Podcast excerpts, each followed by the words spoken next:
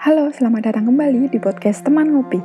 Aku akan berbagi cerita tentang tempat-tempat menarik di Indonesia, sejarah, mitos, dan cerita lain yang pastinya seru buat kamu dengerin saat lagi santai sambil ngopi bareng teman. Cerita soal zaman penjajahan Belanda dan Jepang di negara kita memang gak ada habisnya ya.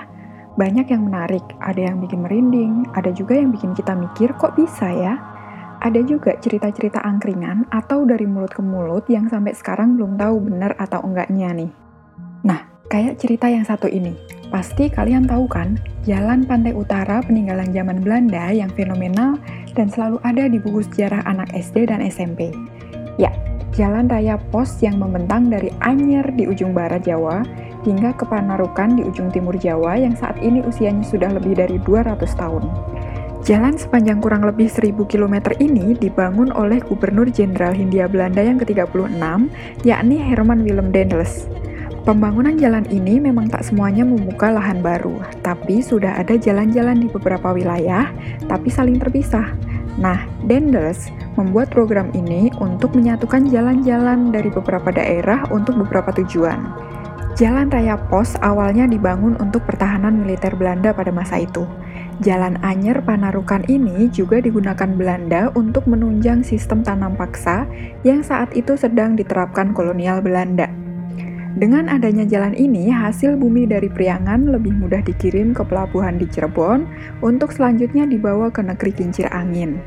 Dengan adanya jalan ini juga memperpendek waktu tempuh perjalanan darat dari Surabaya ke Batavia yang sebelumnya ditempuh selama 40 hari bisa dipersingkat menjadi tujuh hari. Jalan ini juga sangat bermanfaat bagi pengiriman surat yang oleh Dendels kemudian dikelola oleh Dinas Pos. Pada awalnya, setiap 4,5 km jalan ini didirikan pos penjagaan sebagai tempat perhentian atau penghubung pengiriman surat-surat. Tujuan pembangunan Jalan Raya Pos adalah memperlancar komunikasi antar daerah yang dikuasai oleh Dendels di sepanjang Pulau Jawa dan sebagai benteng pertahanan di pantai utara Pulau Jawa. Karena itulah, jalan ini pada awalnya disebut The Grote Posweg atau Jalan Raya Pos dari Anyer ke Panarukan.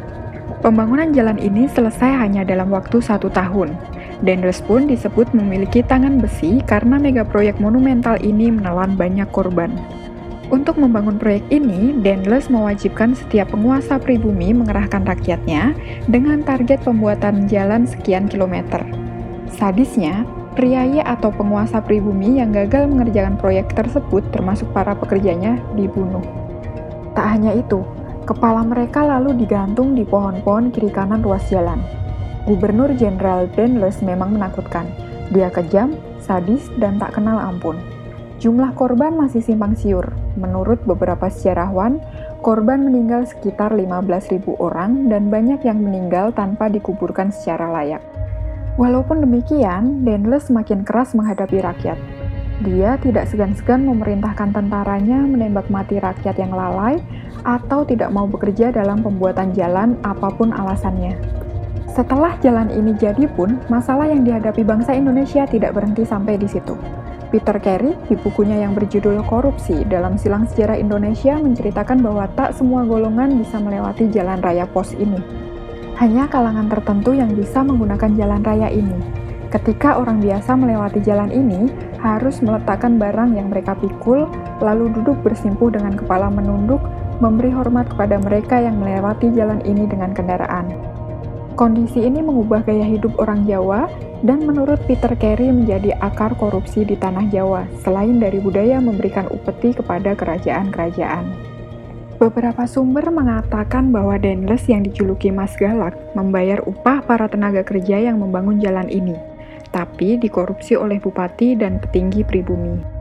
Untuk mengenang peristiwa pembangunan jalan ini, dibangun sebuah tugu sebagai penanda titik 0 km Jalan Anyer Panarukan di bekas pondasi mercusuar Cikoneng Lama yang hancur akibat letusan Gunung Krakatau tahun 1883. Gimana? Cerita kali ini bikin ngopi kamu makin seru kan? Ikuti terus podcast ini ya. Sampai jumpa lagi di episode selanjutnya.